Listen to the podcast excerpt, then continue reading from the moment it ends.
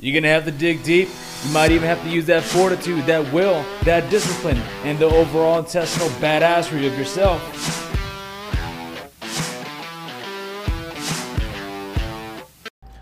Hey, hey, folks, it's Rico on the radio, and thanks for joining me. So, today's topic is about leadership, right? And the call to have authentic conversations. The time is here, the time is now, right? Uh, this has been long overdue, but the same aspect, I believe we as leaders have a due diligence and a responsibility, not only to our friends, but our community, our families, and whatnot, to have these conversations. And right now, the current climate is uh, a very interesting one. A lot of uh, heated conversations, a lot of hard topics are coming out.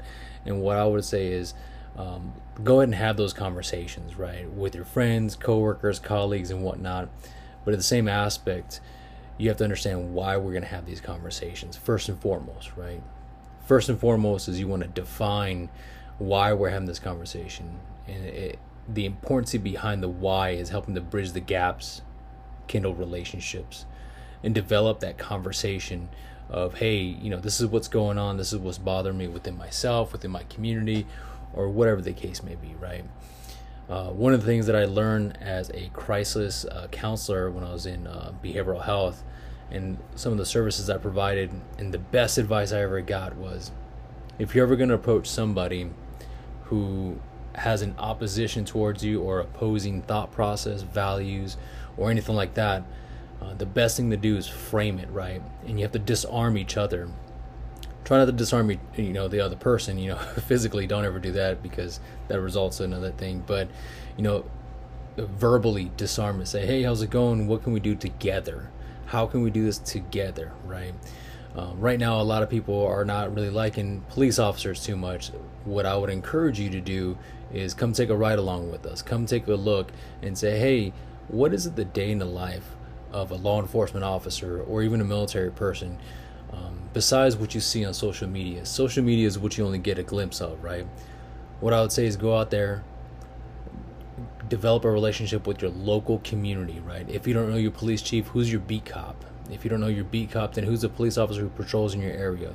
Develop that relationship, get to know them on a first name basis, and you'll be surprised that um, they love what they do, and also they they just want to be there to protect, uh, protect and serve that's one way of disarming things. If you're going to have a difficult conversation with your loved one, right?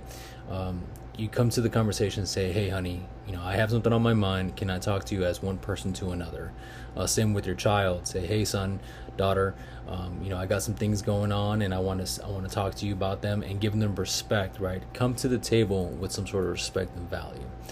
So the other portion of this is how do we do that, right? Whenever you're at that point, if you want to have that conversation, you come to them and you say, "Hey, let's let's framework this conversation, and let's put some agendas and topics behind it."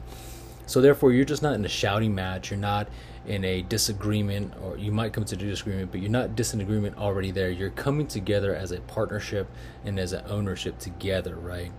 Um, and what that's going to do is actually kind of lower the expectation or raise the expectation of the the conversation but same aspect it's going to allow more of a fluid conversation to happen and be and be able to get past those um, those trials tribulations and also obstacles and whatnot.